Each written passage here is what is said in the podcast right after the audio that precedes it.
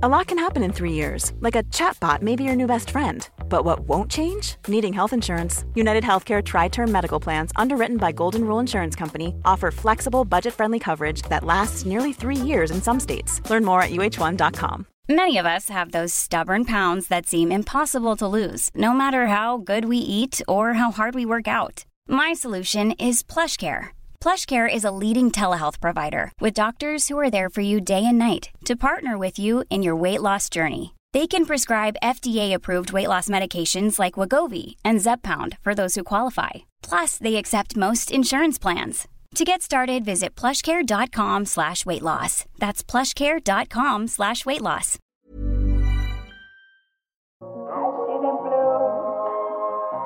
And you, and I think to myself, what a wonderful world. Som før vi begynner, liksom, så har jeg merka meg at eh, det er gode vinstmuligheter nå. Det er gode vinstmuligheter på Instagram. Eh, jeg er okay. glad i raske briller. Eh, Mitt foretrukne merke er 100% De lager de raskeste. Eh, Petter Sagan, en av mine idoler på to hjul, sverger jo til det. Jeg tror til og med vår venn Edvald Jeg er ikke helt sikker, men jeg mistenker at han også har gått over til de brillene. De er lynraske. Eh, S2-brillene, de nye der, og de kan man vinne. Vi har en konkurransegående, vi, med 100 eh, og Roxy Sport, som har de i Norge. Det eneste man må gjøre, det er å gå inn på Instagram, og så er det å, å filme en liten story av noen som gjør noe 100% Det kan være hva som helst. Det kan være eh, morsomt, det kan være alvorlig, det kan være hva som helst, så lenge de gjør det.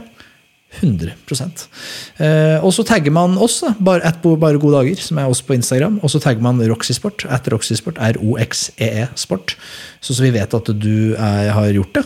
Eh, og så kan man da vinne eh, et par. Og vi trekker to par briller hver bidige uke. Og det har vært litt få i det siste som har vært ute, har jeg sett. Så nå er det gode vinstmuligheter. Det er godt. OL-toget snurrer videre, eh, og vi, vi har jo en sånn eh, OL-spesial. Vi følger OL, dekker det på vårt vis. Eh, Folk, Øystein, tilsynelatende så liker folk det. Det. Så derfor vi må gi folk det vi har, vi, så vi fortsetter. Og i dag, altså. I dag har vi fått tak på en fyr som vi har hatt lyst til å ha på besøk lenge. Eh, og det passer jo ekstra godt i dag, eh, vil vi si, fordi det er en fyr som kan det med å gå stafett. Eh, og det er jo så vi snakker om deg. Eh, Finn Hågen Krogh, velkommen til oss. Jo, tusen takk for det. Altså, det synes jeg var altså, Det var jo egentlig en underselling av, av fyr som kan altså, Jeg, bare sånn, jeg tenkte at nå kommer det noe bra. på en så, altså, vi snakker her Dette med fare for å tråkke på ganske mange skiløpere. Jeg mener helt alvorlig at vi har en gjest nå i podden som står for de to mest legendariske stafettene som har vært gjennom tidene i norsk skihistorie. Ja, det mener Det jeg. er store ord. Det For før vi gikk på her nå, Finn, så viste du jo denne, denne hesten, her, Dalernehesten er det man kaller den, eh, som du fikk i 2015, da du og Petter Northug altså gikk en teamsprint som verden eh, ikke har sett siden, og sannsynligvis aldri kommer til å se igjen. Hvor dere eh, altså, Gå på YouTube, søk opp Falun 2015 teamsprint, og bare, bare se det. Se det selv, hvis ikke dere husker det. Eh, og så er det lagt i, antar jeg du tenker på, Øystein. Lagt i Det- 2017. Det er Hvor helt altså, riktig. De hadde Ostiogov, altså tidenes skiløper for øvrig, Ostiogov. det, sånn er det bare. Men han, det å ha Ostiogov jaktende på seg, altså det får jo fart på selv eh, det, treige folk som meg. Men det, det Ja, klart. jeg tror hvem som helst hadde gått fort da, faktisk. Så Nei, men kan vi ikke begynne er, Jeg syns det er så gøy. Kan du ikke begynne med den teamsprinten? For det som er gøy med sånn teamsprint, eh, Hans Olav, det er jo da at det, det er liksom opplest og vedtatt hvordan man skal gå den. Ja. Og den er sånn at man går og lurer på hverandre. Første etappe. Og så går da tredje etappe, den går litt hardere, og så femte etappe går ganske fort. Mens andre, fjerde etappe, de er ganske rolig, og så siste etappe er det spurt. Men det var før Finn Hågen Krogh og Petter Northug jr. stilte seg på start i Falun og bare banka til. Og det er altså, det er altså så pur klasse. Kan du ikke fortelle om det løpet? Bare sånn, Bruk to minutter på det, Finn. For det er sånn, Nei, jeg, jeg tror jo uh, Vi begge hadde vel en av de beste dagene våre uh, i skisporet, tror jeg. Vi, vi var råpigge begge to. og Det var jo første gang jeg gikk stafett for Norge. og uh, jeg var veldig nervøs før semifinalen, husker jeg. Eh, men når vi fikk gått den, og jeg kjente hvor god form jeg var i, da var jeg egentlig mindre nervøs når finalen begynte. Um, ja.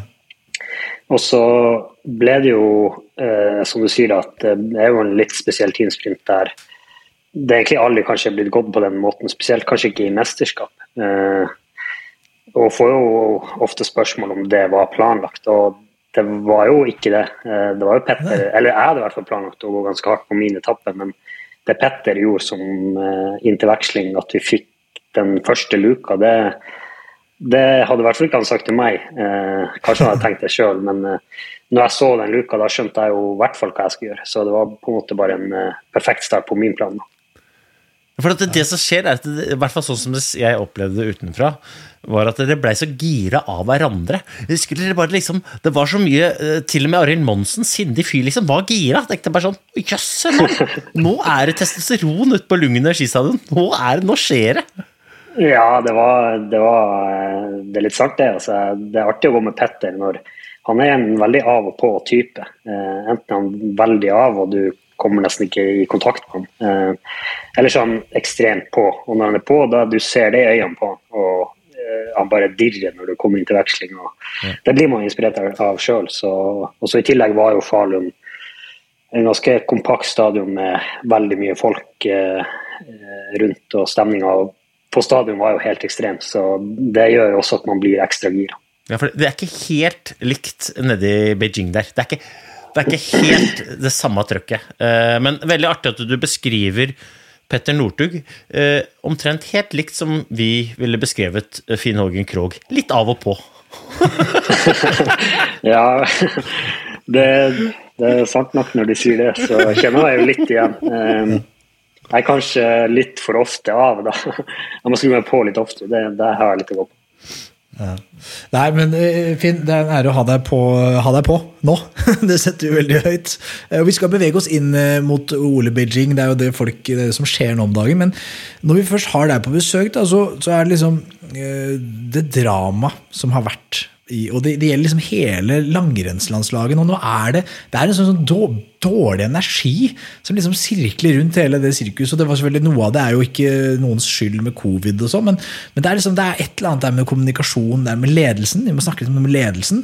Men, men, kanskje aller først dette med Emil Iversen og uttak og lovnader. Var ikke du oppe i en lignende situasjon? Var det Sotsji eller inn mot Sotsji? Uh, ja. Uh altså, det har vært veldig mange tighte uttak opp igjennom, tror jeg. Eh, eh, men klart, for min del i hvert fall, så var Sotsji ganske spesielt når jeg offisielt var utad. og ble vraka i etterkant. Det, det, var jo en veldig kjip opplevelse. og det er jo selvfølgelig ekstremt vanskelig. Vi har så mange gode skiløpere i Norge. og jeg skjønner at det er den verste jobben til trenere, fordi de jobber så tett med Eh, alltid med stort sett alle utøverne som står akkurat på utsida eller akkurat på innsida av et uttak. Og, og, og, det er tøft, men, eh, men eh, klart det, det er en, en, slags ryddighet i forhold til eh, hvem som får beskjed, og tydelighet rundt det. Det har de nok litt å gå på selv etter at de har gjort den samme blemma kanskje litt, litt flere ganger. Så eh, har de faktisk litt uh, trøbbel med å lære av det, føler jeg. Så uh, tydelighet rundt uttak er jo noe utøverne setter pris på. Så, så det, der kan de definitivt bli bedre. Er, hvordan, hvordan, reagerte du egentlig? For det vet, det, vet jeg ikke. Hvordan reagerte du på det? Jeg, jeg, var jo Jeg så jo dette litt fra avstand, men, men um, hvordan reagerer man når man på en måte har fått beskjeden om at man blir uttatt, men ikke får lov til å gå likevel? Altså, man, er det tillitsbrudd, eller er det sinne, eller er det forståelse, eller er det eh, Altså, når jeg, når jeg kom, kom, til OL, så var jeg jo fortsatt eh, si, eh, klar for sprinten. Og forberedte meg jo der nede som at jeg skulle gå. Og så underveis der så um, så eh, ble jeg kalt inn på rom med Arild Monsen og eh, Vidar Løfshus. Eh, og ja, da fikk jeg jo beskjed at jeg ikke fikk gå likevel. Og det er jo, jeg er jo en mann av lite følelser, men, men da gråt jeg faktisk en skvett og var veldig lei meg. Jeg prøvde å, å ja, skjule det litt eller bite det litt i meg, da, fordi um, jeg, vet jo sjøl hvordan det, det er med, med, folk rundt seg som er lei seg og, og tar mye energi, egentlig. Så jeg hadde jo uh, lagkompiser som kunne gå, så jeg prøvde å egentlig holde det veldig i meg og, og ikke lage for mye oppstyr rundt det. Og likevel. For uh, jeg visste jo at jeg fikk jo ikke gå, uansett hvor mye jeg bæsa eller klagde. Så jeg følte at det var det ikke vits å gjøre. Jeg, jeg, jeg, tenker at Du er inne på kjernen der, da, i hvorfor dette er så viktig å på en måte være ryddig på. fordi at um, det påvirker de rundt deg, og det er jeg sikker på at det har gjort nede i Kina der òg, selv om gutta altså Vi må ikke glemme at gutta leverer strålende i dag, det er jo gull. Men jeg er også helt sikker på at det, den støyen som har vært, både eh, mot ledelsen, eh, også jenteleiren, og det påvirker de negativt. Det, sånn, det skal ikke være der, og, eh, og selv om det eh, kanskje prøves å dysses ned, så, så stjeler energi. Da. Det er måte akkurat det du sier der rundt det å ikke påvirke hverandre negativt. Det er dritviktig, for det er veldig lett at det blir sånn at det, Um, nå var det du ble vraka til fordel for Ola Wiggen Hattestad, f.eks., så er det, på en måte, er det lett at du nesten går rundt og bærer nag til Ola Wiggen Hattestad, selv om han har jo ikke noe med det å gjøre. Og nå er det sånn, nå var det Emil mm. Iversen og, og Valnes eller Pål Golberg, så blir det liksom mm. Det blir dårlig stemning mellom de, da, selv om de egentlig ikke har noe med det å gjøre. Det er jo et ledelses, en ledelsesutfordring, men den påvirker alle sammen. Ja, absolutt. Og det som er vanskelig her, uh, har jeg ofte følt på, i hvert fall det at den som ofte blir eh, til slutt vraka, da, det er jo ikke bare en lagkompis, men ofte også en god kompis. Så det er, litt, det er en veldig ekkel situasjon å være i med veldig mye følelser. Så, så, som sikkert ikke er lett å styre. Eh, så det er klart jeg kunne gått helt andre veien med meg også. Jeg kunne jo, jo mista det litt eh, sjøl, absolutt. Det, det, er klart fordi eh, man jobber jo og drømmer om det her hele livet, og jeg skjønner at man blir veldig skuffa. Eh, og så må man tenke at eh, Hvordan vil du at en annen lagkamerat skal eh, oppføre seg? Det, det, er jo egentlig eh, litt sånn man må tenke. Men jeg, jeg hører deg snakke nå, så virker det litt som at du kanskje ikke mener at Emil Iversen håndterte dette på best mulig måte, da? Nei, det er nok riktig tolka, ja. Eh, jeg syns han kunne spart seg med de uttalelsene, i hvert fall til etter mesterskapet er ferdig. Eh, eh, det er det vel sikkert mange som er enig med meg i. Jeg tror ikke verken han eller noen andre i den norske leiren tjener på å ta det sånn som det ble tatt. Så ja. ja, jeg vil bare si, tjente ikke Er det, er det riktig? Eh, fordi, Du kan si hva du vil om det er en konsekvens av at han var ute og klagde lei, men han fikk da vitterlig gående stafettetappe for Norge, noe jeg tror han hadde veldig lyst på. Han skapte en uh, usikkerhet tror jeg, hos ledelsen, der de ble redde for Altså, Emil Iversen er en fyr med innflytelse. Altså, Fyren har jo masse han skulle sagt. Media hopper så fort han sier hopp. Og Hvis han går ut og går ut hardt om at Bjervik, du skal gå, noe jeg mistenker at det kommer til å bli snakk om i etterkant av mesterskapet, vi kan bevege oss over i det etterpå, da. Men, mm. men uh, er det riktig at han ikke tjente noe på det? Eh, altså, Hvis Emil fikk gå fordi han klagde i media, da er det særdeles skuffende eh, ledelse. Eh, så eh, jeg har vanskelig for å tro at han fikk gå fordi han klagde. Mm.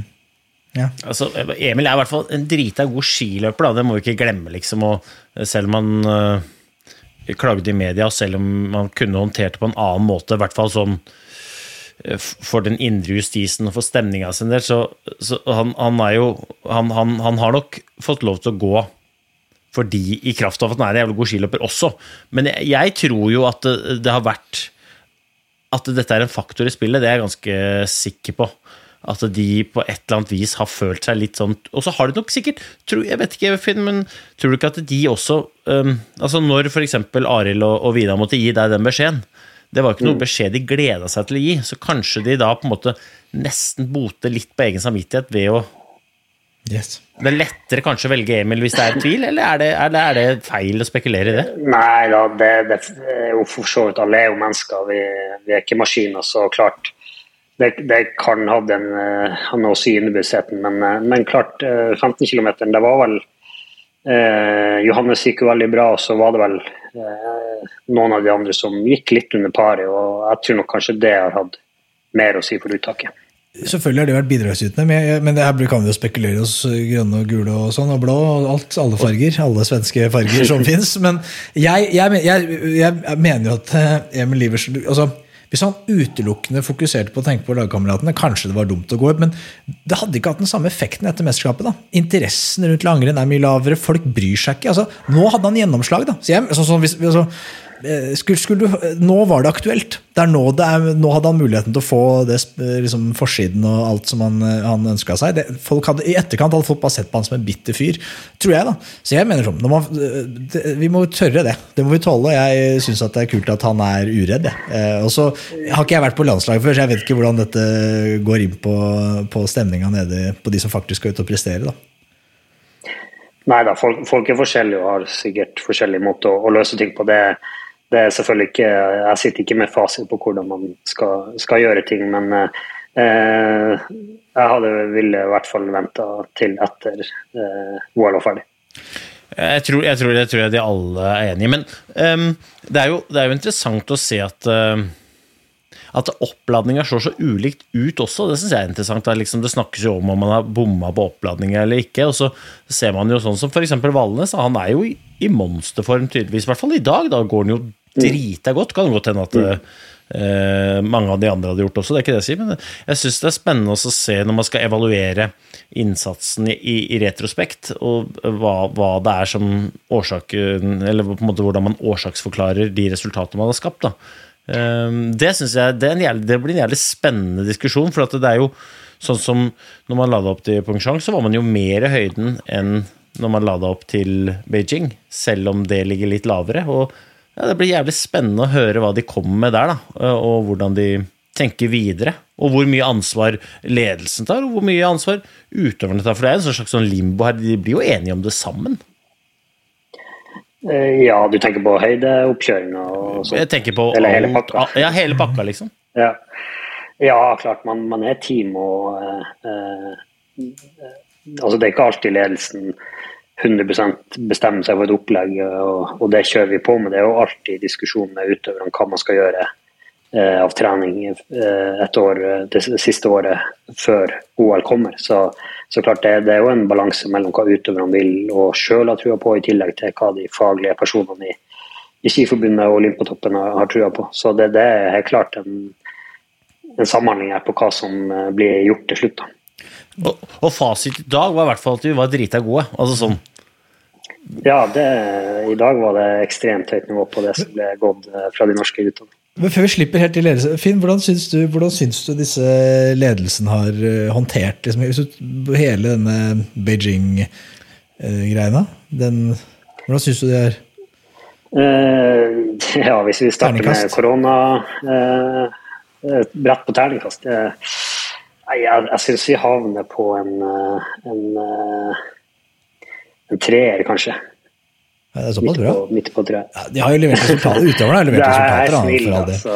En treer. Man får en treer. Tror du, tror du, de samme folka sitter i de posisjonene de har nå etter mesterskapet? Tror du det blir liksom en evaluering? Eller tenker du, tror du at liksom, når man teller opp medaljer og, og resultater etter endt liksom, mesterskap, så er det liksom Vi er jo sannsynligvis fortsatt den beste nasjonen, og, og at liksom, sånn er det iblant?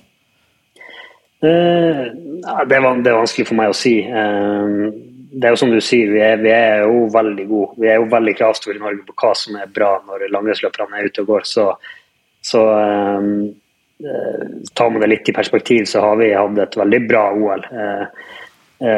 Forrige OL så var det jo ekstremt bra. Mens nå har det vært litt dårligere enn det, og da er det fort at man tenker at det, det er for dårlig.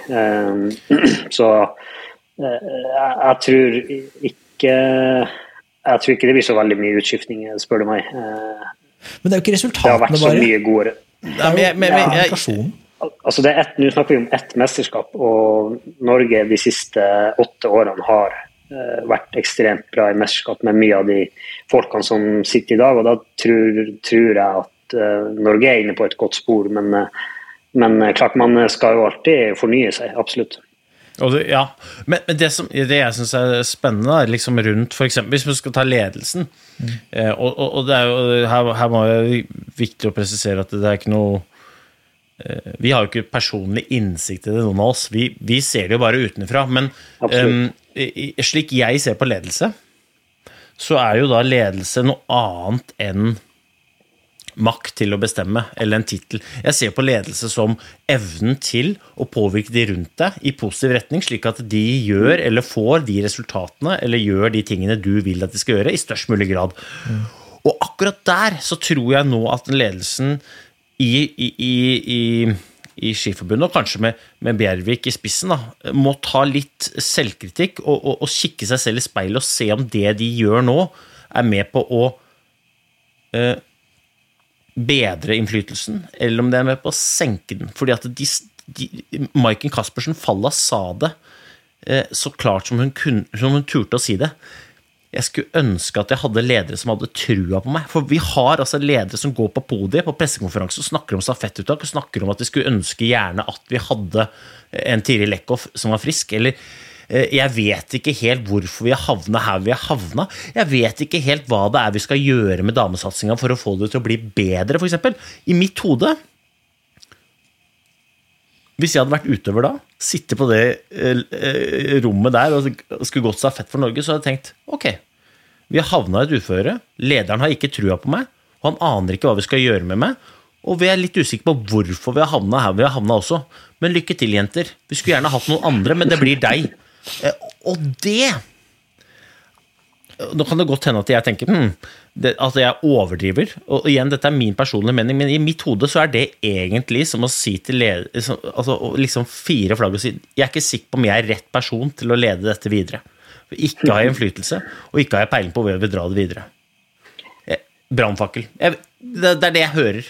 Det, det er ganske ja. sterkt når Maiken Karstensen faller. Altså, dama har tatt Jeg tror, har jo tatt uh, medalje i mesterskap. Åtte, åtte mesterskap på rad, eller noe. Åtte-ni mm. mesterskap på rad. Mm. Altså, og hun, hun, er ikke, hun, er ikke, altså, hun er kort av vekst og en dame med, av få ord. Men når hun først åpner kjeften og nesten begynner å gråte når hun sier det, ja. så skal jeg i hvert fall, er jeg 100% sikker på at dette påvirker utøverne, og ikke positivt.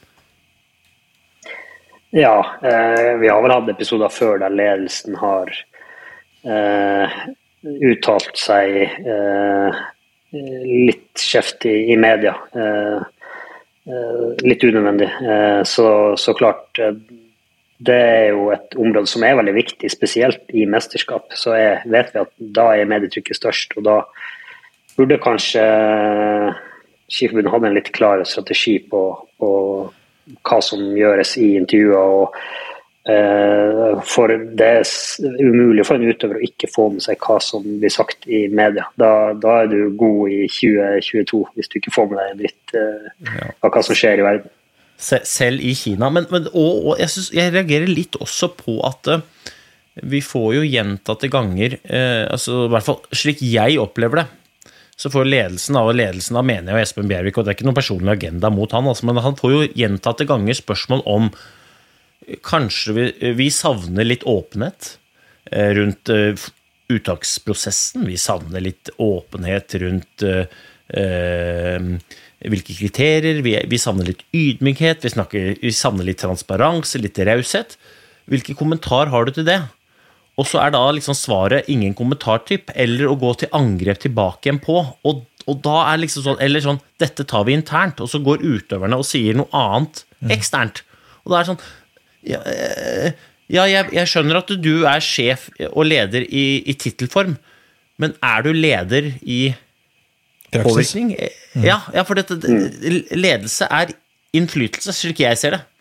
Evnen til å påvirke, evnen til å ha den innflytelsen du vil ha på gruppa di. Og per dags dato så tror jeg ikke den ledelsen eh, Espen eh, utøver, er i henhold til intensjonene hans. Vi er ganske sikre på at han har gode intensjoner. Jeg tror ikke fyren er dum. Og han har, han har brennende ønsker for norsk langrenn, så det er ikke det som er problemet, tror jeg. Nei, og jeg, jeg syns òg det var litt at han angrep litt tilbake i intervju i dag etter uh, teamsprinten. Så merka man tydelig at uh, det, det, de var prega av, av, situasjonen og, og støyet som har vært. og en leder skal jo ikke gå til angrep tilbake på de spørsmålene han får fra, fra, eh, fra media. Det, det, skaper vel egentlig bare enda mer, mer støy. Så, så, der er det jo definitivt forbedringspotensial. Men, men stikker ikke dette dypere det, er det jeg tenker hele tiden, at, og dette er opplevelsen sett utenfra, da, så føler jeg at hvis Erik Myhr Nossum hadde sagt noe feil i media, sagt noe dumt, det, kan, det er lov, og da vil utøverne si vi, vi, han mener ikke dette, jeg, og jeg veit det. Og det er lov det er lov å si feil, ville alle utøverne sagt. Men når Espen Bjervik sier noe feil, så opplever jeg at de bruker den muligheten altså de, de, mener, altså de, tar ham for å faktisk mene det. De, de lar ham i hvert fall ikke få, la tvilen komme ham til gode. Da. Eh, det er bare en opplevelse utenfra. Da. At, de, eh, eh, at det her må stikke dypere. For det å bare si noe feil, det må da være greit. Det kan alle gjøre. Liksom, ja.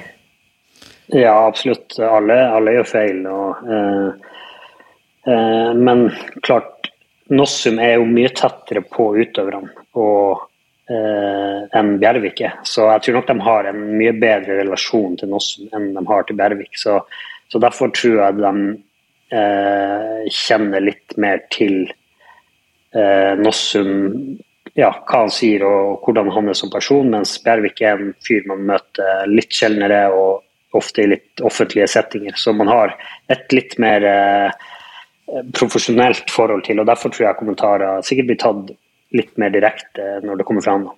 Ja, og Det der er et innmari godt poeng som jeg tror folk skal uh, være klar over. at eh, Espen Bjervik svarer jo for resultatene eh, på en måte fra øverste hold, men det er jo ikke han som jobber med utøverne tettest. Han jobber med trenerne, som igjen jobber med utøverne. Eh, mm. Men så er det da Bjervik som blir dytta fram, og da når det blir kritikk, så er det jo Bjervik som måtte bli den store, stygge ulven og males på veggen. Eh, eh, og ikke for å så fraskrive han ansvaret, eller, eller for å på en måte fraskrive han ansvaret for hvordan han kommuniserer heller, men, men jeg tror det er en grei, grei informasjon å ha i bakhuet, at han gjør veldig mye. Eh, og så blir han stående der som i kraft nesten til å være trener, men det er han ikke. ikke? Og, ja. Ja, jeg, men han påvirker. Det, det skjønner, eller det, det, er mulig ikke alle skjønner det, men, men, men, jeg skjønner det i hvert fall. Men jeg sitter likevel med følelsen av at han har mislykkes. Altså, alle skjønner også at Petter Stordalen snakker ikke direkte med alle husholderskene på hotellene sine oppe i, i Sverige eller i, i Øst-Europa. Men de husholderskene, han har likevel klart å bygge en tillit hos de. da. De går på jobb, eh, stolte av å jobbe for han, og dytter han fram som sin gallionsfigur. Har tillit til Petter Stordalen. Da. Nå vet ikke om det akkurat det stemmer i hans tilfelle, men jeg bruker det som et, et eksempel. da. For det er en god leder. og igjen, Jeg kjenner ikke detaljene på om han anses som en god leder, men det fins flere av de. da. Eh, om det er Barack Obama eller om det er Jens Stoltenberg. Eh, alle skjønner at Jens Stoltenberg snakker ikke direkte med vaktmesteren som går i gangene på Nato, men jeg tror de vaktmesterne har jævlig høy respekt for Jens Stoltenberg og ville bokstavelig talt gått til krigen for han. Ja, men da, da, tror jeg man er tilbake til hva er ledelse. da, Og ledelse er jo innflytelse, eller påvirkning. Og så tror jeg òg man kan knytte ledelse og den innflytelsen opp til integritet. Og integritet er, slik jeg ser det i hvert fall, eh, litt forutsigbarhet i hvordan du kommer til å agere i gitte situasjoner. Eh, og, og, og, og hvis da eh, Nossum, slik jeg opplever Nossum, eh, og for så vidt også Arild og, og, Olav Wiggen Hatstad, for den saks skyld, som jeg kjenner, jeg kjenner, de tre best, da, eh, de har ganske høy integritet hos meg, fordi at jeg vet omtrent hvordan det er de agerer. Mens hvis man da vingler litt i atferdsmønsteret sitt, så er jo tilliten lavere, fordi integriteten er litt sånn vinglete. Og da er, det, da er det ikke så lett å få den lederen til å ha den innflytelsen man bør ha eller skal ha. Altså, uh, Integriteten til um, Stordalen er ganske høy, men hver mandag så vet jeg hva han kommer til å gjøre. Så han, han, påvirker meg på en bestemt måte hver eneste mandag. Uansett været. Så liksom uh, jeg, jeg, tror det er der Bjervik har mest å gå på da, når det kommer til sin lederstil nå, internt. Det, det, kan godt hende at det bare er nå, en liten boble hvor alt sammen blir veldig polarisert.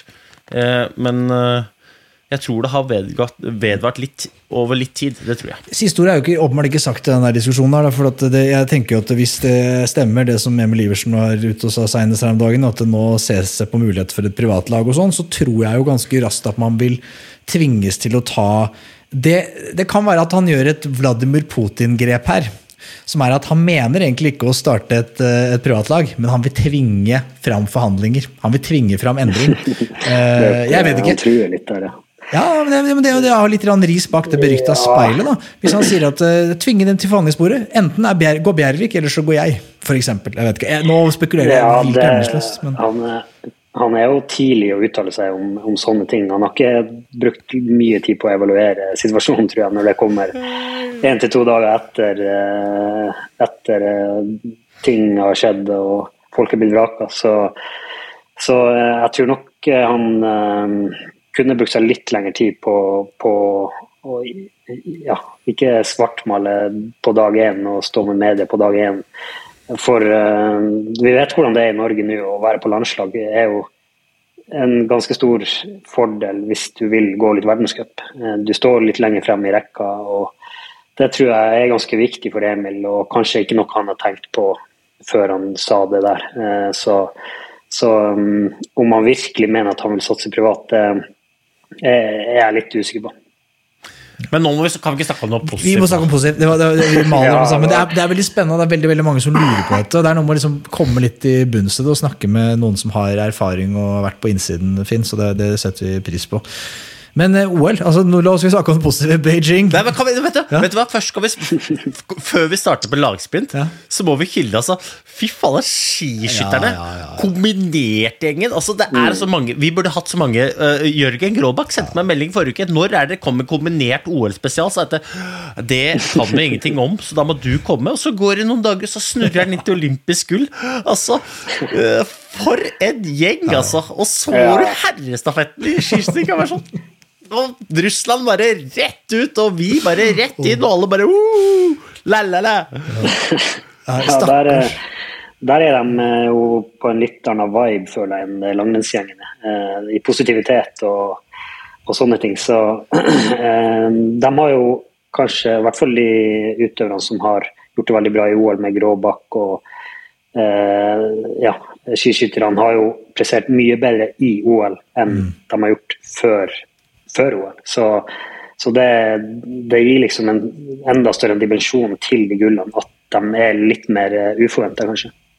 Ja, absolutt. Ja, fader, altså. altså, så så du s- Altså, du er jo eh, taktikkens mester, Finn Ågen Krogh. ikke sant? Du sitter jo der og, og smiler med ditt uh, lune smil, men jeg vet at du er jo en taktiker av rang. Men altså, det han der Vetle Sjåstad Christiansen drev med Altså, Han gikk stafett, og da vet alle sammen at det er veldig lett å ha en plan, men med en gang noen begynner å gjøre noe annet, så er det lett å la seg vippe av den berømte pinnen.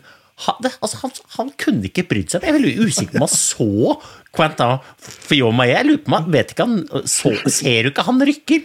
Hei da, jeg bare går mitt eget lille rolige løp her borti. Jeg, bare, jeg skal bare komme inn her, og så skal jeg bare skyte to fulle hus. Jeg. Så du kan bare spurte og rykke og styre og ordne, du. For jeg plaffer dem det. Ja, han viser enorm selvtillit eh, på den etappen han leverte. Det, eh, han han var, hadde jo ikke noe eh, enorme eh, individuelle løp før den stafetten heller, så hvor han tar den selvtilliten herfra plutselig ut fra lomma, det, det er imponerende. Så Kan det være YouTube 2015 sprintstafett? Finn Åge Krogen. han må ha vært innom der, faktisk. Så, jeg tror ikke han er en fyr som- liten bit. Han virker som en fyr som liksom uh, rise to the occasion. Da. At han veit at ok, nå, nå, nå gir vi han tilliten. Du er vår ankermann. Da. Det tar han på ramme alvor. Og så blir han bedre av det. At han liksom bare, da, da liksom, ok, nå er det, Men når, når han bare går for seg selv, så er det liksom Så da er det bare han selv han skuffer på et vis. Da. Men når han går for Norge, da skuffer han hele landet. liksom. Ja, ja, vi må lesse på han masse ansvar. Da, Hvordan følte du på Hvordan det? får vi Ja, for, det? ja, ja, for det er oppfølgingsspørsmålet her nå. ikke sant? For at det, vi hadde Niklas, og Han fortalte oss en historie om at du hadde sagt på frokosten før etappen din i Lahti at hvis jeg får liksom en 15-20 sekunder til Josugo på siste etappe, så skal jeg åpne rolig, slippe han innpå meg, så skal jeg rykke fra han igjen. Når han tror at han har meg, så skal jeg gi han en knyttneve midt i nesa. Og så bare, så fikk du et par og 20 sekunder, så slapp du innpå sånn tre. og så å si at du rykka fra er vel å dra det langt, men han fikk i hvert fall Han fikk ikke, han fikk ikke liksom dratt deg inn helt.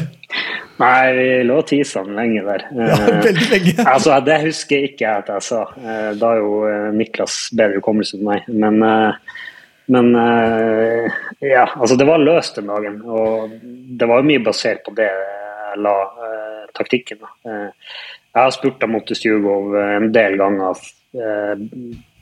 Eh, og jeg, har ikke telt veldig nøye, men sånn ca. 50-50 er vi på hvem som slår hvem i spurt. Og med de forholdene som var, så var det jeg håper å si, enda mer 50-50 eh, på hvem som kunne vinne en spurt. Det var så løst. og Jeg liker ikke å spurte på løs, og planen var egentlig bare å unngå en spurt i det lengste.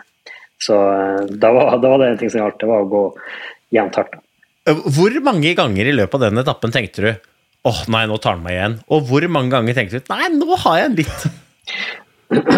uh, det var bare én gang jeg følte at uh, nå er jeg ferdig. Uh, det var vel ikke før ut på siste runden da fikk jeg en sekundering som gikk fra sånn 7-8 sekunder opp til en 15-16. da tenkte jeg nå er, han kjørt. Men så kom jeg jo tilbake nok en gang, da. Så, men før det så tenkte jeg ikke noe annet enn at jeg skulle holde unna. Så, og det jeg tenkte som annet enn det, var at det her, det her må være et kjedelig løp, tenkte jeg. Det er to fyrer som går for seg sjøl. Det, det, må være kjedelig. Det, det tenkte jeg faktisk underveis i, i løpet. så da har jeg skjønt i etterkant Har du sett det på TV? Der, der tok jeg feil. Ja, det har jeg. Det har jeg absolutt. Ja. Det er jo spennende å se det selv i reprise, faktisk.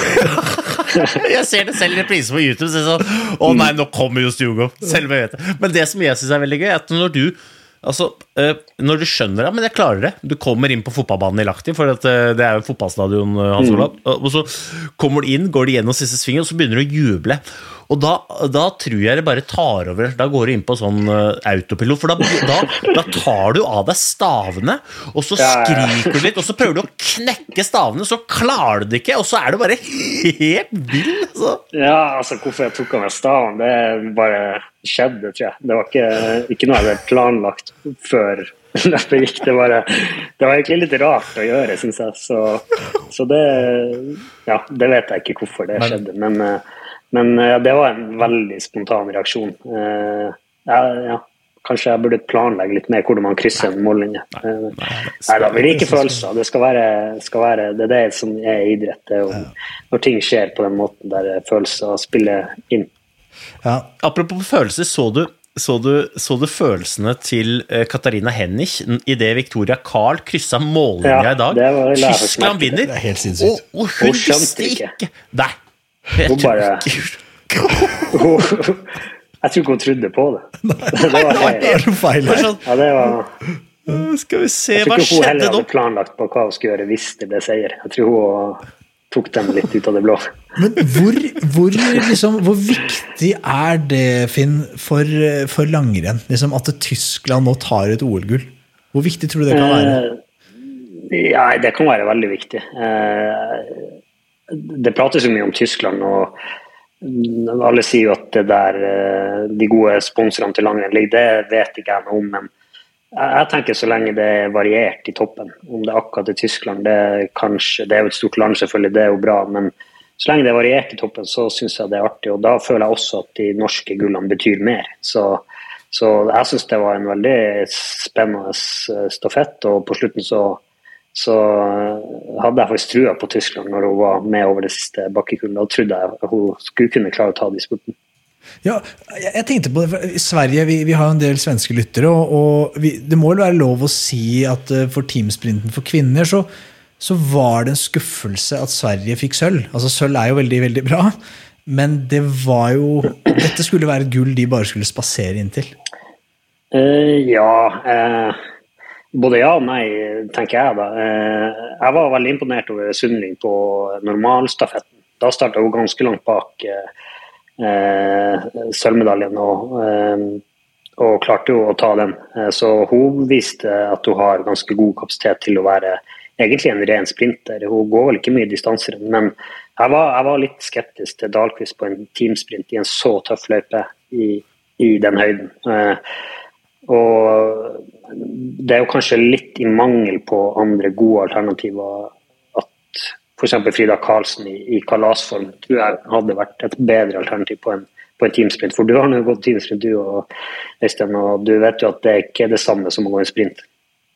Nei, jeg har sagt det at de som Teamsprint er den perfekte øvelsen for de som er stort sett best på trening. Eh, Jeg kan jo si at det passa meg som hånd i hanske.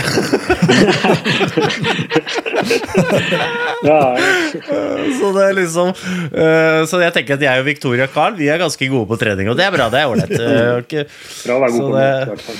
Ja, men det, men eh, jeg, er jo, enig i analysen, men eh, Sundling gikk jo fort i dag òg. Så tror jeg at kan jo hende at det var Krista Permakoski som gjorde at uh, Tyskland vinner foran Sverige. Fordi Jo, at Permakoski gikk så. Mm. hardt at Sundling måtte ta igjen uh, Tyskland og Finland når det, farta var stor.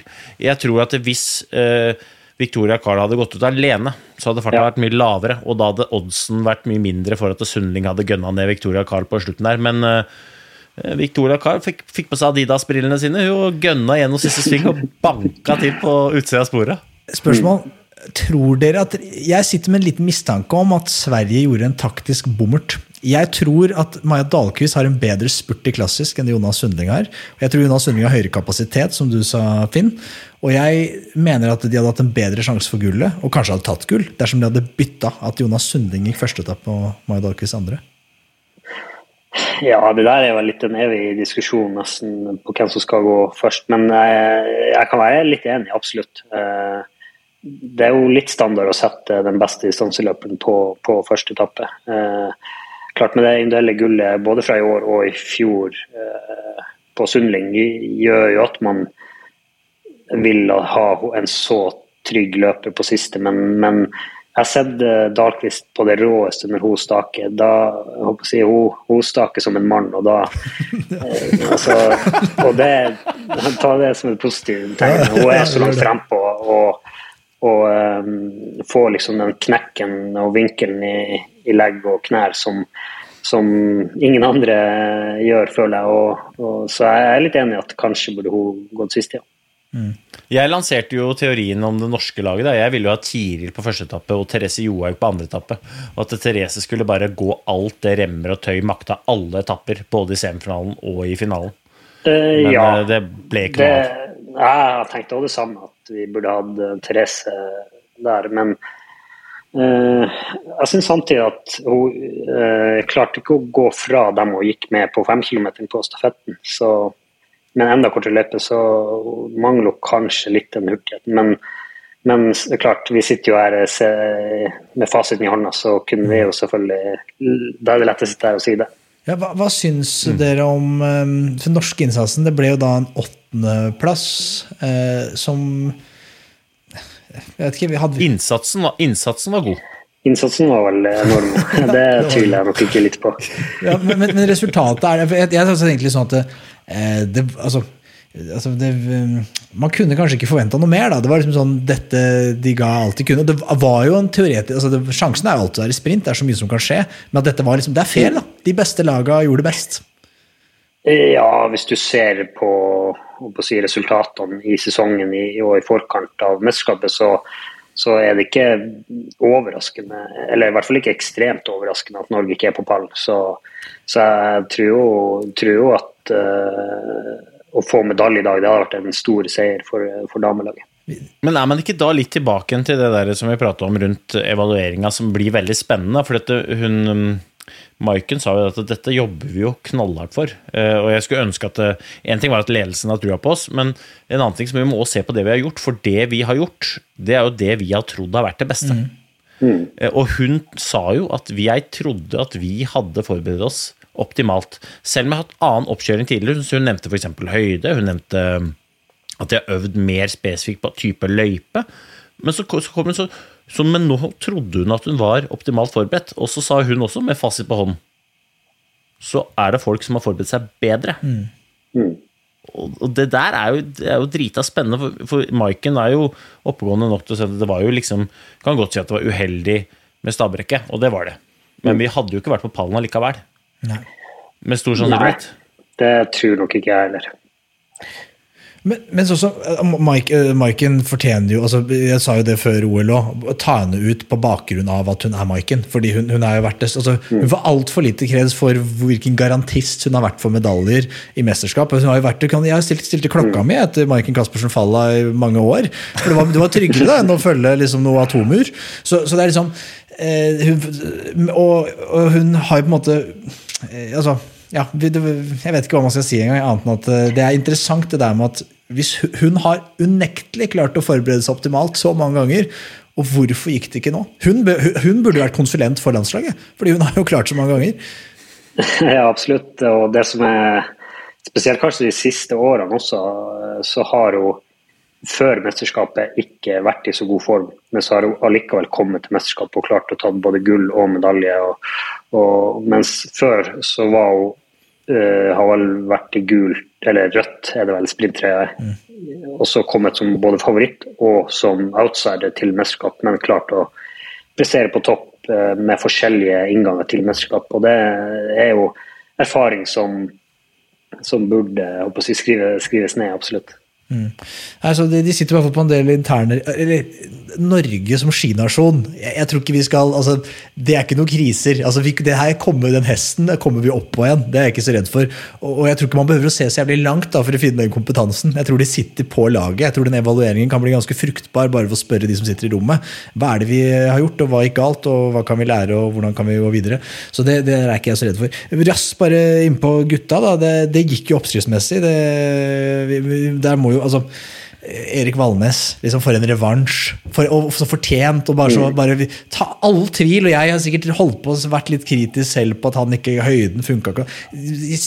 Alle hatter jeg har, jeg har spist, liksom. Og, og, og fortjent så. så. Ja, absolutt. Jeg føler at egentlig hele Ski-Norge har fra mai, når vi starter treninga som skiløpere, har tenkt at teamsprinten i den går Erik Valnes og Johannes Klæbo. Så å se dem endelig si, klare det, det, det, er helt rått. Selv om de sikkert hadde mer tvil på om det skulle bli gull nå den siste uka før denne gikk, enn det de hadde i mai, kanskje. Så, så det var eh, rått å se hvordan Valnes da leverer. Han hadde jo to rimelig gode klassiskløpere eh, som han bare eide teknisk, syns jeg. Han langa mer ut enn Niskanen og Bolsjunov til sammen i dag. og så ser du òg hvor, mye det betyr. Da. For du kan jo si eh, Hvis man skal ta Klæbo på noe Det er ikke mye å ta Klæbo på, men eh, da kan det være liksom den der genuine og autentiske De der følelsene du prater om. Da. Det er ikke alltid at han viser så mye følelser når han krysser mållinja og vinner.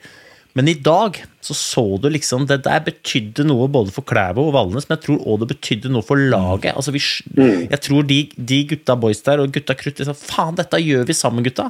Og vi gjør det skikkelig. Og eh, tilbake til ledelse. Hvis ledelse handler om innflytelse det der er ledelse. For det, det, er et signal du sender til resten av gjengen som ikke går. De seks andre gutta boys der som er tatt mm. ut. Nå er ikke, ja, ikke sant? Men dette er ledelse. Følg meg, folkens, og jeg følger deg fordi du har positiv påvirkning på meg. For dette, dette her har jeg lyst til å være med på. Ja, og, og det eh, er ting, ekte. En ting jeg også la merke til som egentlig har vært litt uh, unorsk i, i mesterskap, det føler jeg at man ser Emil og Pål og Håvard stå i målområdet uh, og tar imot uh, vinnerne. Det, det skjer vel ikke så ofte for, at Uh, utøverne har tida til det fordi man er litt i bobla og skal levere sjøl, men uh, det var nok en ekstra lagserie i dag når man ser at laget er samla mer, no, mer, enn noen gang uh, etter at de tar gullet. Ja, og, og det, det, det, er et drita godt poeng, for det får vi ofte Vi, jo, vi ser jo Uh, vi ser utlendingene gjør det veldig. Feirer gull på mm. altså, eh, Frankrike feirer bronse på en helt annen måte enn ja. vi feirer sølv, og det er for så vidt greit. Men akkurat det du sier der, det er drita viktig. Jeg la merke til det kombinerte gjengen nå. Når Gråbakk vinner gull, og de, de tar dobbel, så er liksom hele gjengen Ivar, Ivar Stuan avbryter uh, radiointervju på direkten sin. nå skal jeg ta bilde med flokken. Du får bare stå her og fryse, for nå stikker jeg midt på stadion tar et bilde, det skal foreviges, og vi er en gjeng. Uh, og det samme ser du med skiskytterne. Og, og du så det også nå nå, da Paul for f.eks., under den individuelle sprinten, så sto Paul i målområdet og fulgte med når Johannes gikk. Og han var ferdig og kunne dratt hjem og hvilt, og, men han gjør det ikke. Og det, det er så viktig, det derre eh, samholdet. Ikke sant? For det, det, det dreier seg om innflytelse og påvirkning av hverandre. Det der er ledelse. Vi er, I Norge er vi jo sikkert jeg håper å si, kjent ute i verden for å være et litt, litt følelsesladd folkeslag. Så, så, der har vi nok en del å gå på, ja. Mm. Jeg fikk jeg bare nysgjerrig på her at man snakker om det der, for det, det, tror jeg er viktig. Og så tenker jeg liksom hva er det som skiller dagens generasjon fra det vi har sett for bare kort tid siden? Så føler jeg at man hadde tydeligere lederskikkelser blant utøverne. Altså Du hadde Marit Bjørgen. Hun gikk foran med et kjempegodt eksempel for damene. Hun, jeg tror hun var en veldig samlende kraft. Her snakker jeg igjen fra utsiden. Dette kan etter dere, boys. Så her kan dere eh, correcte meg hvis det er feil. Og jeg føler også at Sundby etter hvert tredde inn i rollen for å bli en leder for gutta. På samme måte med at jeg gjør ting skikkelig, og blir, hvis dere skal være med å vinne, så må dere gjøre som meg, og vi gjør ting skikkelig på det laget her. Det er sånn det funker. For du så her nå. Rasende fort gikk det, altså de norske. Spesielt kanskje Valnes. Altså, vi sender ut uh, vår mann Valnes mot uh, løpere som vi har hørt om tidligere. Niskan og Bolsjunov. Men hvordan er det vi prepper Valnes, tror du? Altså Når vi står nedi der, så hvordan er det vi prepper Valnesen? Astmamedisin. Kunne vært det. Kunne vært det. Tradisjonelt norsk. Men nå har vi gått til noe bedre. Jeg vet det! Kokkaffe kaffe! Kok kaffe! Altså, det det var. Ja, altså, dette er ikke, dette ikke bekrefta sikre kilder. Dette er rein spekulasjon, men jeg spekulerer er ganske trygg på at fyren kosa seg med en rolig Coop Kenyas nedi kulverten der under statuen der. Når ved trappa sto han og fyra opp en liten Coop Kenyas servert. Som en sånn narkoman. Så sto med sånn fyrt opp i smug. Oh. Og bare I think the Norwegians are doing drugs. But, no, it's only Coop coffee. Uh, so please uh, take it very easy. og så delte vi ikke noe, selvfølgelig. Eh, alle fikk Coop kaffe etterpå, men ikke før. Men det ble gull. Sorry, jeg vet ikke hva som var min internett her som eh, røyk eller sånn. Nå henter jo Finn en lader, så det er fint, det. Ja. Men vi vi, vi, kon vi, konkluderte med at du da blei uh, hen, Altså det var Kim Jong-un eller Espen Bjerviks familie eller et eller annet som ja, bare kutta deg rett ut? Ja, jeg, jeg, vil ha svar på dette. Jeg vil ha svar på dette. Jeg tror du skjønte hvor jeg skulle hen. da. Er det, Mangler vi eller, Nummer én, hvem er det som er de, har tatt over de rollene? Har vi de? Mangler vi de? Um, ja, vi har nok kanskje ikke den samme kraftige lederen som du er inne på. Uh, men det, det, det, er ofte litt sånn naturlig at den som leverer best resultat eh, er ofte litt den som alle går og ser litt opp til, føler jeg. Eh, og setter litt standarden. Eh, og ja, det er jo Klæbo på herresida i hvert fall nå. Han, han, er kanskje ikke like tydelig utad som kanskje Sundby var, f.eks. Nå føler jeg at jeg er litt på tynn is, men, men jeg er litt enig i utsagnet ditt. men om det har en negativ innvirkning på laget at vi ikke har en sånn type leder eller ikke, det er vanskelig å si, syns jeg.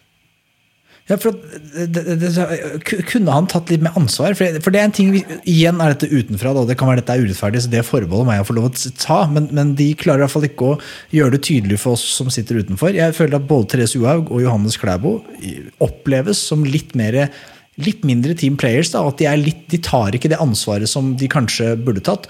Og hvis man trekker parallellen til andre idretter, så føler jeg litt sånn alpin. Se hvor suksess det utfor og, og altså utfor, hva kaller man det, fartsdisiplinsgjengen har hatt med Du hadde først uh, Kjus og Aamodt, som var tydelige, som var vinnere, gikk foran og sa at sånn gjør vi ting. Vi gjør ting skikkelig her, og vi hjelper hverandre. Det er kulturen vår. Så fikk de opp uh, Svindal, og han mitt inntrykk at han, han to, videreførte den kulturen de etablerte. og, for, han, og han skjønte på et eller annet tidspunkt Oi, faderen, så rundt seg. Nå er det jeg som er lederen her, og jeg må steppe opp. Det ansvaret må jeg ta. Og så føler jeg at man, man, har klart hele tiden å skape nye ledere, da, som ta, men som også velger å ta det ansvaret. For det ansvaret er noe du må velge å ta. Ja, eh, jeg er jo enig i at kanskje vi mangler en like tydelig leder i, i utøvergjengen. Men uh, jeg tror kanskje det ansvaret er fordelt litt mer jevnt over gruppa. At uh, man drar litt mer lasset i lag. Fordi Nå har ikke vært på landslag i år, men alle de årene jeg har vært på lag, så hadde vi i hvert fall en veldig bra delingskultur, syns jeg. Eh, der vi, mm. der vi delte Altså det er jo den klassiske med at du gir ett tips og får fem tilbake. Eh, som Astrid Jacobsen har snakka mye om. Og, og, så kanskje har istedenfor å ha én kraftig leder, så har vi seks eh, jevngode ledere på et lag. og eh, Vi må jo si at det også har jo fungert i form av resultat, i hvert fall. Og egentlig er det det man aller helst ønsker seg. For du må huske at alle de som er på det norske landslaget, uansett lag, de har noen ekstreme ferdigheter. Mm. Enten på ett eller på flere områder. Og de ferdighetene, det er de du ønsker at du skal ha innflytelse og påvirkning på uh, til de i miljøet rundt deg. Altså, uh, jeg, jeg, jeg, opplever jo at vi har mange uh, kontinuitetsbærere og ledere på det norske laget, men kanskje Og det kan godt hende at det, vi har så mange ledere at vi ikke ser at vi har en tydelig. Det kan jo hende at det var mm. dårligere før enn nå. da, at vi, vi, vi, ser ikke lederen fordi det er så mange sterke folk som tar det eierskapet. F.eks. en, en Sjur Røthe. Jeg garanterer at han samler kreftene der nede eh, internt i laget. Eller en Pål Golberg, som jeg kjenner godt er tydelig. Eh, eh, eller en uh, Simen Egestad Krüger som kommer ned. Eh, har sittet med buser i nesa i. Men jeg garanterer at det, det jobbes internt. da. Erik Valne, som jeg opplever som stødig, ikke vært ute ett eneste ord om, uh, om stafetten, men bare mm. kommer, leverer, uh, banker. Og så har du Klæbo. Han også er jo veldig ryddig i media og kan godt ta han for engasjement og entusiasmen, men du ser eierskapet hans, og du ser uh, ansvaret hans idet han krysser mållinja, og, og, på en måte sånn Faen, dette her betyr noe. Dette mm. betyr ikke bare noe, det betyr alt, da. Så ja, absolutt. Nei, det er mulig det var med, med bare, en, det var med ikke, bare sånt, en, noe jeg fikk for meg nå. Et innfall om at uh, man kanskje ikke ser de samme. Kanskje det kan være med å forklare litt hvorfor ikke det går så bra. Men det er mulig det er helt off. Altså. Ja, er jo, det er jo kanskje tenkt på at uh, landslaget er litt gode internt innimellom også. Så de må jo få skryt når de er gode internt. Så for det, det er jo sånn som du sier, f.eks. Sjur, da. Uh, at folk utad ser jo kanskje ikke på han som en ledertype, men han er en av dem som jeg ser på som er den beste lagspilleren. Det er Sjur Røthe. Så, så her, her, er sterke folk innad i lagene som kanskje ikke er like gode på å vise det eh, utad.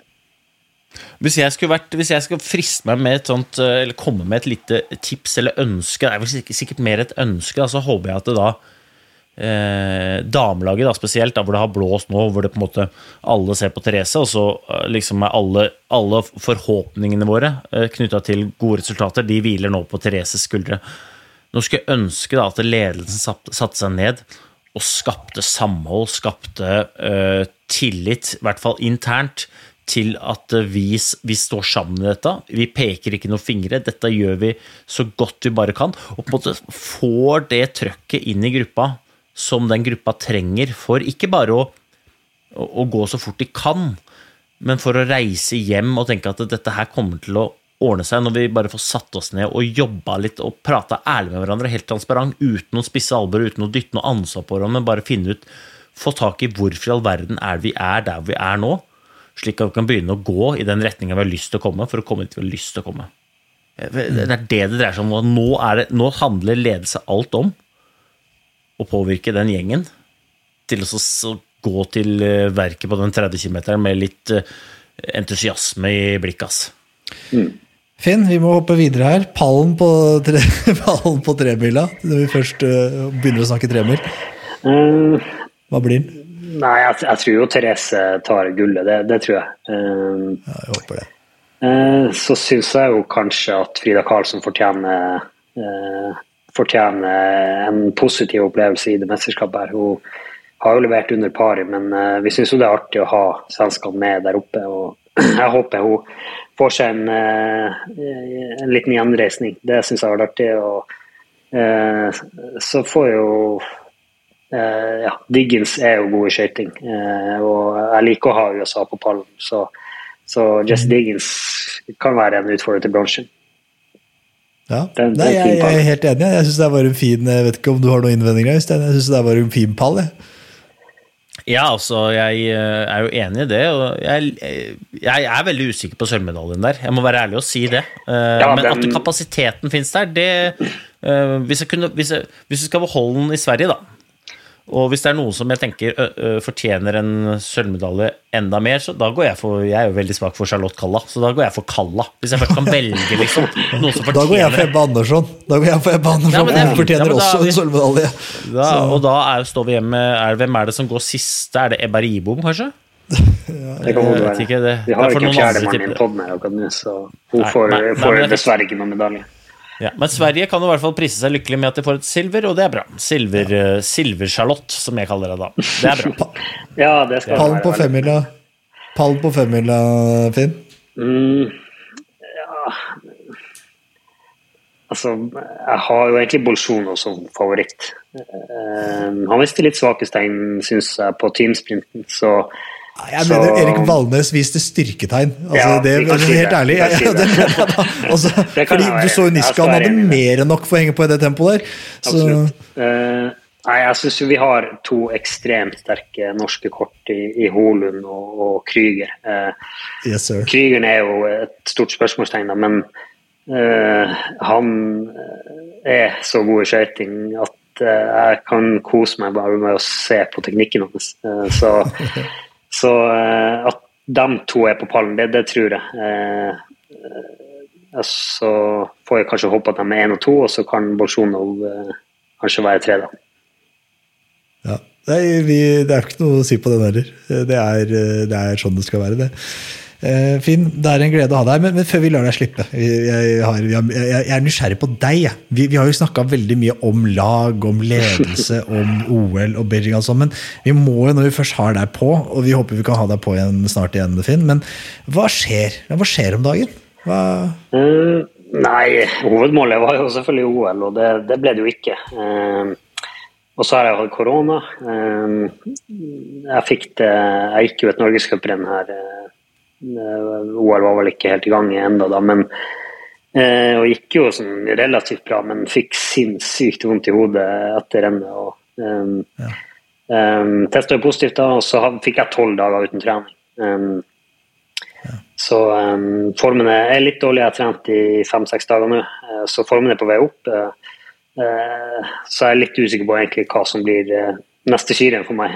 Man legger liksom planen frem mot OL, og så etter OL så har man liksom ikke noe, noe plan, uh, føler jeg. Så akkurat sånn langrennsmessig så er jeg litt i villrede akkurat nå, men jeg blir vel å gå litt norgescup og skandinavisk cup og det som er igjen. Um, utover det så er jeg med å arrangere et skirenn her lokalt i Alta i lag med Petter Eliassen. Uh, det heter for Arctic Alta ski- og fatbike-festival, og det, det er lørdag om eh, Lørdag i neste uke er det et uh, femmils eh, langrennsløp, skøyting. Eh, og søndagen så er det, er det samme traseen da, og et fatbike-ritt. Og vi har totalt nesten 200 påmeldte. da. Ganske jevnt fordelt mellom de to dagene.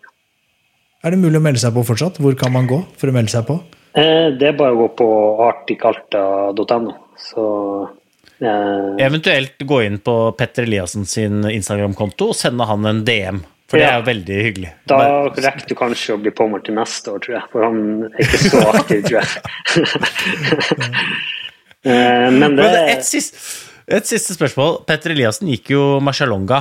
Mm. Eh, sist han gikk Marcialonga, eh, gikk det jo veldig fort. I år mm, ikke så fort. Skjedde det noe, eller var han bare treig? Nei, jeg, jeg tror han har eh, Hverdagen med fire barn har truffet han hardt, så han har nok trent veldig mye mindre enn både det han har gjort før, og både det han også gir uttrykk for, tror jeg. Eh, så eh, han er veldig opptatt eh, med både jobb og, og barn, og har trent lite det siste året, så jeg tror han bare har kollapsa formmessig. Det var ikke noe mer enn det. Da, Finn, en siste ting. Det er veldig mange siste spørsmål. Det Ja, det sånn. Vi kommer aldri til å gi oss. Men ser vi deg i Planica 2023 på start? Eh, ja. Jeg svarer ja, på det det. Eh. Ja, jeg satser i hvert fall all in mot, mot det, så, så um, jeg håper, håper vi ses der. For å si det sånn, Hanso, vi kommer på stafettene. Vi kommer på stafettene. Den følger vi med på. Men Finn, du er verdens beste skiløper når du vil. Eh, Så det, når det virker som du har bestemt deg, så hadde jeg bare passa meg hvis jeg var konkurrent. Det er ikke mer å si enn det. Så det du sier, er at eh, Finn må bare ville litt mer, er det du sier? Ja, det var litt mer av og på. Vi, vi snakka på om i starten at må kanskje bare bestemme at jeg er på litt oftere. Teip den der påbryteren igjen, da. Ja, jeg skal kjøpe meg en skikkelig bra teip. Det er første steget duct mot Planica. Hanso han fikser Han sender oppover til Alta. Den er, han kan ta den den med der han kommer på Artig Alta. Det er det jeg skal gjøre. vi ses vi ses på en fatbike i Alta, og så snakkes vi. ja. Hoi, hoi! What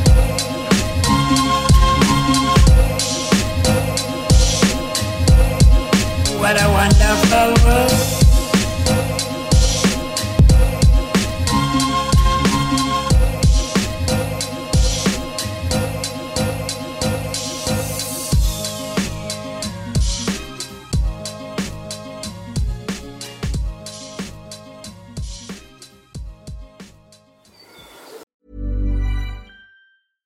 Hey, it's Paige DeSorbo from Giggly Squad. High quality fashion without the price tag. Say hello to Quince. I'm snagging high-end essentials like cozy cashmere sweaters, sleek leather jackets, fine jewelry, and so much more. With Quince being 50 to 80% less than similar brands. And they partner with factories that prioritize safe, ethical, and responsible manufacturing. I love that. Luxury quality within reach. Go to quince.com slash style to get free shipping and 365 day returns on your next order. Quince.com slash style. Imagine the softest sheets you've ever felt. Now imagine them getting even softer over time. That's what you'll feel with Bowl and Branch's organic cotton sheets. In a recent customer survey, 96% replied that Bowl and Branch sheets get softer with every wash. Start getting your best night's sleep in these sheets that get softer and softer for years to come. Try their sheets with a 30-night guarantee. Plus, get 15% off your first order at bowlandbranch.com. Code BUTTERY. Exclusions apply. See site for details.